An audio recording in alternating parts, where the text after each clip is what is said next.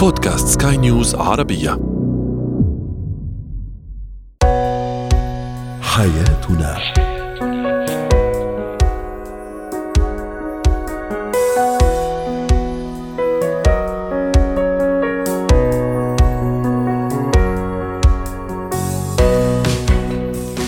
أهلا بكم مستمعينا الكرام إلى حياتنا. برنامجكم اليومي الذي يعنى بشؤون الأسرة وباقي الشؤون الحياتية الأخرى. والذي يمكنكم متابعته على كل منصات البودكاست المختلفة. معي أنا طيبة حميد. اليوم نتحدث عن كيفية تعزيز السعادة في حياة الشريكين وما هي العوامل التي تساعد على تحقيقها. وفي زينة الحياة الحديث عن المغص لدى الأطفال وخاصة الأطفال الرضع وكيفية التعامل معه. وفي مهارات الحياة نتحدث عن مهارة الاعتناء بالنباتات المنزلية.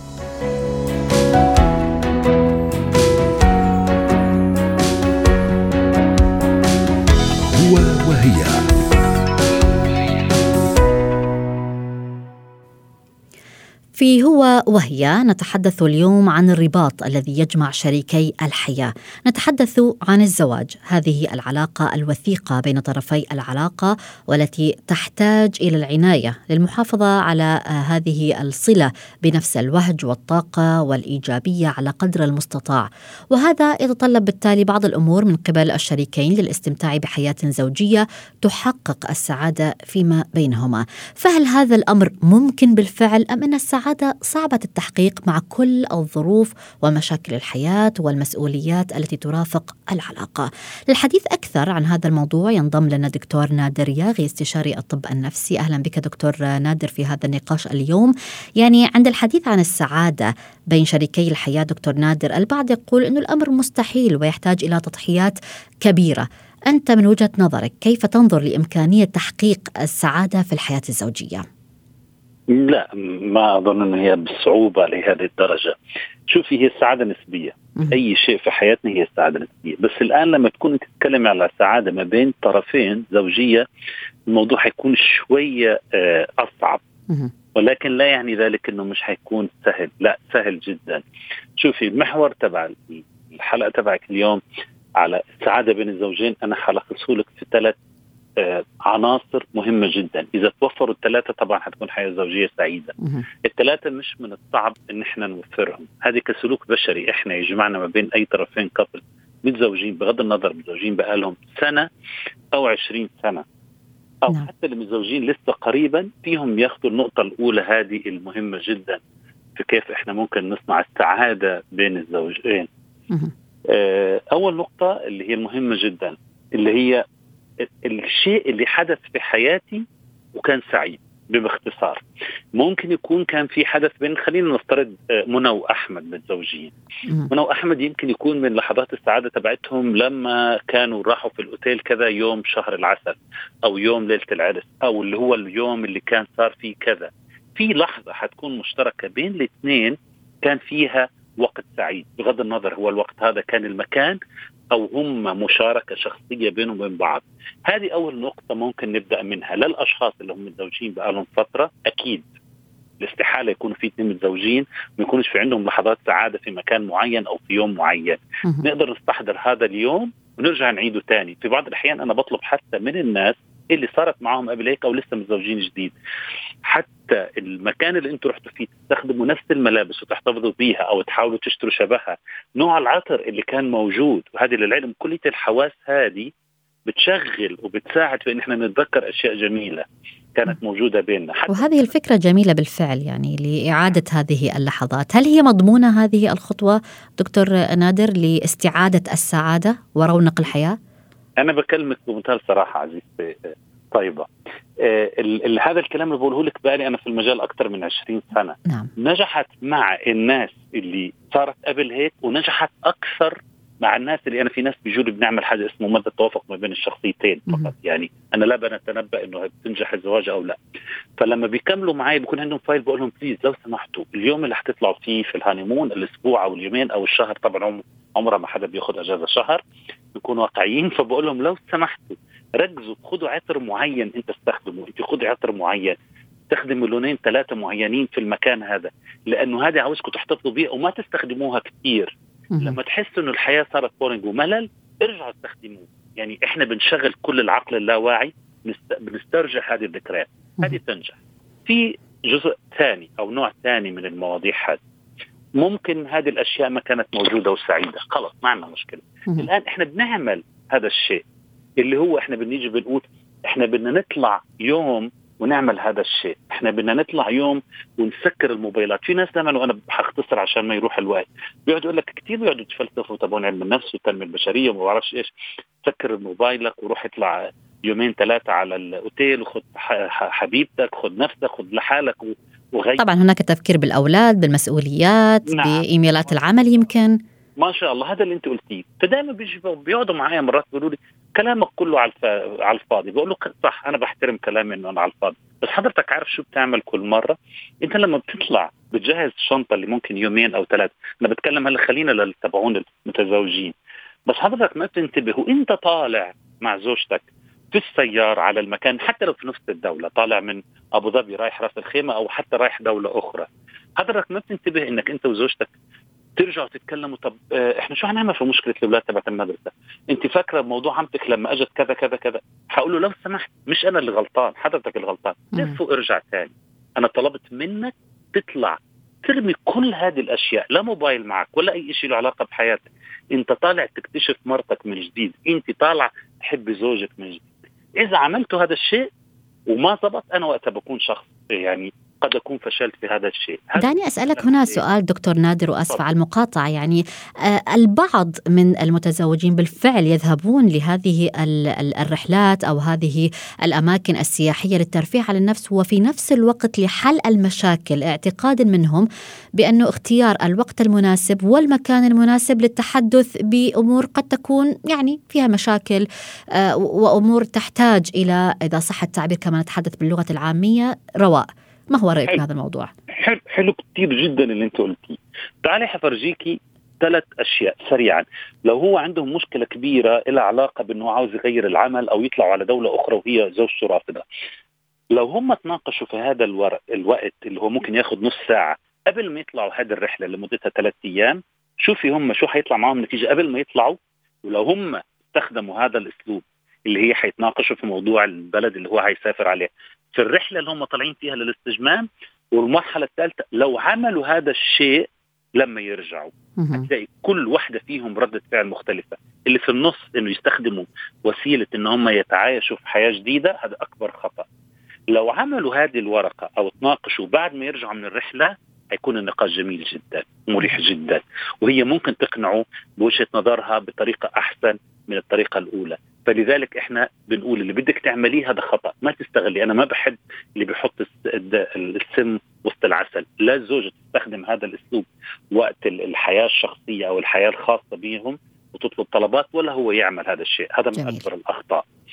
أنا آسف. آخر شيء اللي بينفع نحن ممكن نصنع سعادة بين الزوجين اللي هي حاجة بسيطة جدا. مش قادر تحققي هذه. في ناس حيجوا يطلعوا يقول لك إحنا ما في فلوس المشكلة الاقتصادية كذا ما عندي أي مشكلة. لا تروحي ترجعي شهر العسل ولا تطلعوا مم. بمنتهى الصراحة زوجك أنت عارفاه بيحب ثلاث أربع أشياء. بيحب يمكن آه، نوع أكلة معينة وأنت مزعج جدا تعمليها. بيحب جدا إنه مثلا نفسه كان يشتري حاجة معينة. أنت اللي بتشوفي شو هو اللي بيحبه هو شو شو بيحب. ما تنتظري إنه لا وأنا حضل أقدم له اضل أعمل له.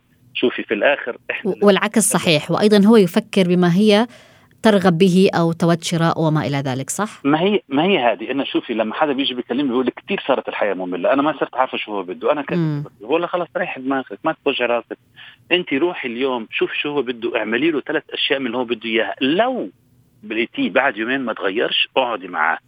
امسك الورقة قلم قولي له يا ابن الحلال أنا عملت وعملت وعملت وحاولت إني اسعدك بكذا وكذا. ممكن تقول لي أنا شو مقصرة معك؟ أنت الآن أحرجتيه والعكس صحيح أنا ما بطلب بس من المرأة الرجل في مهم. هذا نفس الشيء. هي هذا النقاش مش العملية إني أنا لازم أنا عملت لك كذا أنا ما شفت الفيدباك ما. شفت التغذيه المرتجع هي ال- ال- السعادة كليتها بقول لك أنا ممكن أصنعها أنا أنا نفسي كنادر كشخص عادي عندي مكان معين بيعمل بيتزا ما بروح هذا المكان تخيلي إلا لما بعمل إنجاز جيد بروح أكافئ وتكافئ نفسك. وهذه نقطة جميلة. عادي بس أنا أعطيته قيمة أعلى من القيمة تبعته. صحيح. وبهذه النقطة يعني أختم معك دكتور نادر والكلام يطول حول هذا الموضوع. بالتأكيد سوف نناقشه في حلقات قادمة. شكرا لك استشاري الطب النفسي دكتور نادر ياغي.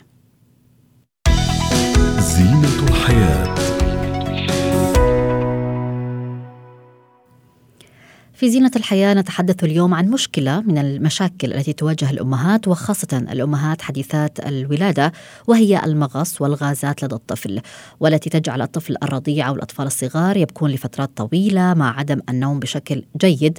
الأمر الذي بالفعل قد يربك الأم والأب ولا يعرفون كيف يتصرفون معه.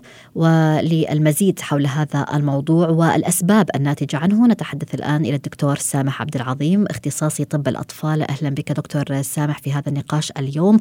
يعني هذه المشكلة التي يتعرض لها الأطفال بشكل كبير خاصة الرضع. ما الأسباب التي تؤدي إلى المغص والغازات لدى الأطفال؟ وكيف أعرف أنه هذه المشكلة أو بكاء الطفل هذا بسبب آه، المغص؟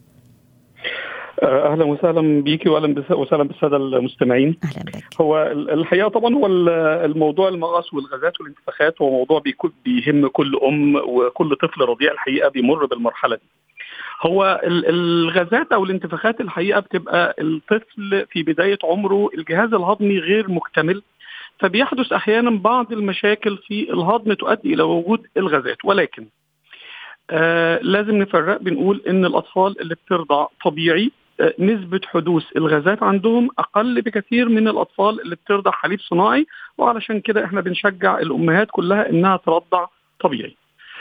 طيب إيه الأسباب اللي تخلي طفلي يجي له غازات؟ اولا إيه مظاهر الغازات؟ مظاهر الغازات الطفل طبعا بيبكي بشدة ممكن تتسبب إن هو يرجع الحليب بعد الرضاعة مباشرة.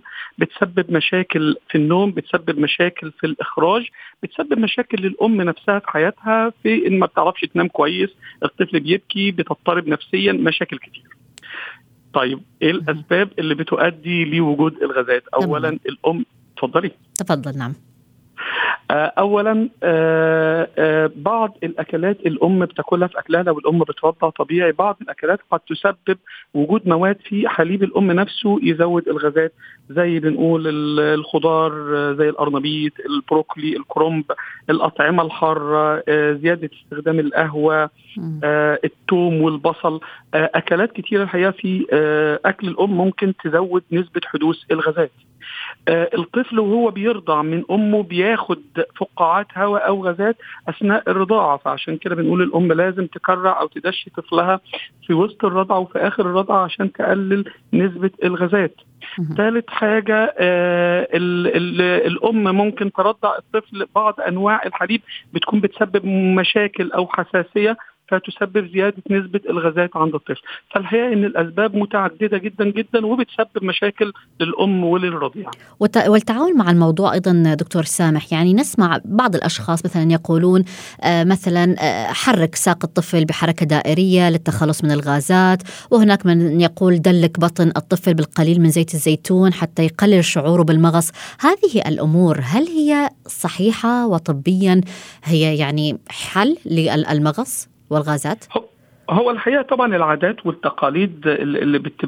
كتير جدا في مواجهة بكاء الرضيع أو وجود غازات وانتفاخات ولكن هي أفضلها زي ما تفضلتي وقلتي تحريك القدم أو الرجلين على البطن بتاع الطفل كأن إحنا بنعمل تمارين أو مساج للطفل. الحقيقة دي من الحركات اللي بتقلل فعلا أو بتساعد الطفل على الإخراج أو بتساعد على خروج الغازات. ولكن تدليك البطن بزيت الزيتون أو بالحاجات دي هي ليس علاقه وزيت زيت الزيتون مش هيوصل للبطن. هو الحقيقة بيستخدموها علشان الطفل بيبكي بتقلل إحساس الرضيع بالمغص الكلام ده كله.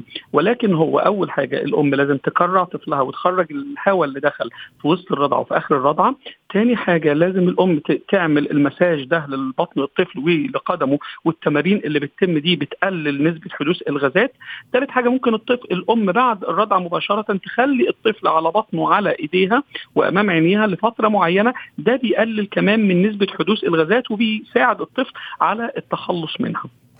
نعم طيب آه، دكتور يعني متى نلجأ إلى استشارة الطبيب؟ يعني عادة الأمهات خاصة في الفترة الأولى وإذا هم حديثي ولاده أو إذا كان الطفل هو الطفل الأول هم يشعرون بالخوف بالقلق كل ما يبكي الطفل أو ينزعج يمكن يذهبون لزيارة الطبيب. أنت آه، متى تنصح الأم بزيارة الطبيب؟ طيب هو اولا لازم إحنا هنصح كل ام عندها طفل رضيع ولسه أول طفل إن إحنا بكاء الطفل هو لغة الطفل في التواصل معاكي. فمش كل بكاء تنزعجي أو تقلقي. كمان عندنا حاجة اسمها الفترة القرمزية ال purple period of infant crying الفترة البكاء الطبيعي دي تعتبر جزء من تطور الطفل الطبيعي. ولكن إحنا بندي الأم علامات خطورة. إذا صاحبة آه، البكاء الشديد لازم تتوجه للطبيب. أول حاجة إذا توقف الطفل أو الرضيع عن الرضاعة. ثاني حاجة إذا بدأ يرجع باستمرار. ثالث حاجة إذا بدأ يصاحب البكاء حركات تشنجية كبيرة جدا بالقدمين والرجلين. إذا صاحبه انتفاخ شديد في البطن. إذا صاحبه عدم إخراج. إذا صاحبه ارتفاع في درجة الحرارة. كل الحاجات دي علامات خطورة. إذا حصلت مع بكاء الرضيع لازم الأم تتوجه مباشرة لطبيبها لاستشارته. جميل. شكرا لك على كل هذه النصائح الدكتور سامح عبد العظيم اختصاصي طب الأطفال. مهارات الحياة. العديد من النباتات المنزلية نشتريها ونضعها بالتأكيد داخل المنزل أو في خارجه في الشرفة أو لتزيين الحديقة. ولكن قد يجهل الكثير منا كيفية العناية بهذه النباتات. ونجد هناك من يكتفي بمجرد تعريضها لنور بسيط وإمدادها بالماء آه، سواء هي تحتاج له بشكل عشوائي مرة بالأسبوع أو مرتين آه، وذلك للحفاظ عليها. ولكن للأسف بعد هذا تتعرض هذه النباتات لأمراض صحية وقد تذبل. فكيف نهتم بهذه النباتات وما هي المهارة المطلوبة منا؟ هذا ما سوف نتحدث به مع الدكتور مارك بيروتي المهندس الزراعي. أهلا بك دكتور مارك معنا. يعني هناك بالتأكيد دكتور مارك أنواع كثيرة للنباتات المنزلية. كيف يمكن أن نميز بينها ونهتم بكل واحدة على حدة؟ آه مرحبا. أهلا بك. هلا هن منهم كثير كثير كثار يعني هن هول النباتات اللي نحطهم عادة بقلب البيوت أو بالمطارح المسكر وهيك. آه هن في تقريبا 100 نوع. آه عالميا هن ذاتهم. يعني ما بيتغير من بلد لبلد وأغلبيتهم عادة مستوردة وهيك بننتهي إنه يكونوا تقريبا هن ذاتهم. هلا كيف بنقدر نهتم؟ أكيد في كل وحدة عندها كمان اهتمامات شوي مغيرة عن حالها. فإذا بدك آه، في لك الأساس الأساس تبع الاهتمام شو هو؟ بنرجع بعدين بنفصل تمام. يعني إذا كانت داخل المنزل وإذا كانت هي نباتات ظل أم لا وإذا كانت خارج مثلا إذا قلنا في شرفة المنزل أو في الحديقة. يعني رح بلش لك تقول لك إنه على الميزان ما نعم. في اسمه نبتة بت... آه، لداخل المنزل، النباتات بيعيشوا دائما برات المنزل. بس في بعض النباتات قدروا أو بيقدروا يتاقلموا ليعيشوا جوات المنزل. آه ومن هول هن اللي نحن صرنا نزرعهم جوات بيوتنا هلا المشكل الوحيد عنا اياه إنه الشيء الأساسي له النباتات عادة إذا بسالك شو أكثر شيء بدها رح تفكري يمكن بالمي أو بالشمس أو هيك؟ عادة العالم بجاوبوا هيك. صحيح. هو أكثر شيء أكثر شيء هن بيعوزوا هو الهواء ولما نقول هواء مش الهواء على ورقهم من فوق الهواء بالتراب وهيدي الغلطة اللي بنعملها دائما النباتات ليقدروا يعيشوا مضبوطين بدهم تهوئه بدهم يحسوا كانه هن عايشين يعني بدنا نقلد الطبيعة. ومشكلتنا بالمنازل وخاصة بالبلدان العربية اللي عند بيكون في كثير شوب كله مسكر وعندنا بس الايسيات وهيدا بتخلق كثير مشاكل.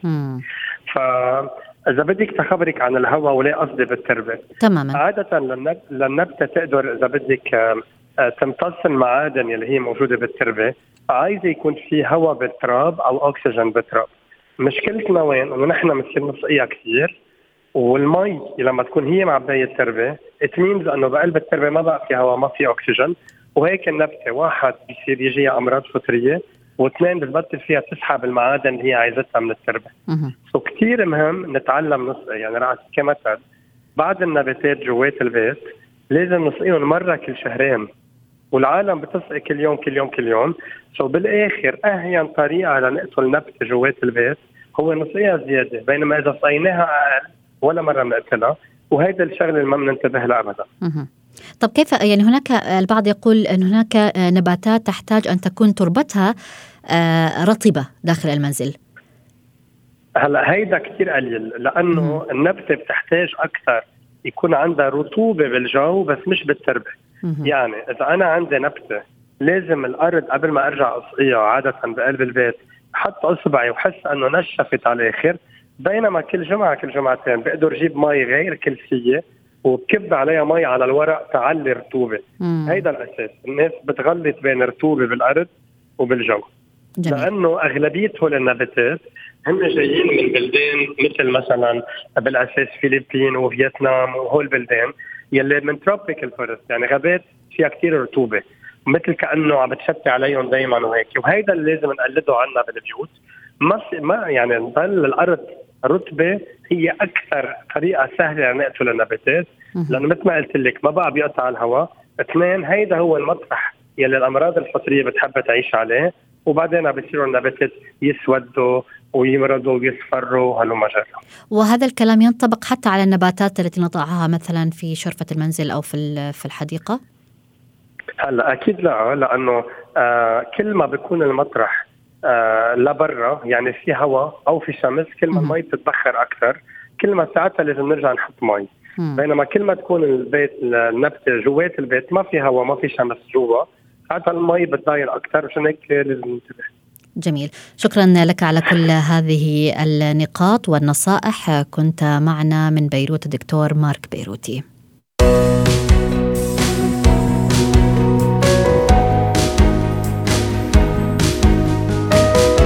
إلى هنا نصل وياكم مستمعينا الكرام لختام برنامج حياتنا. كنت معكم أنا طيبة حميد. إلى اللقاء.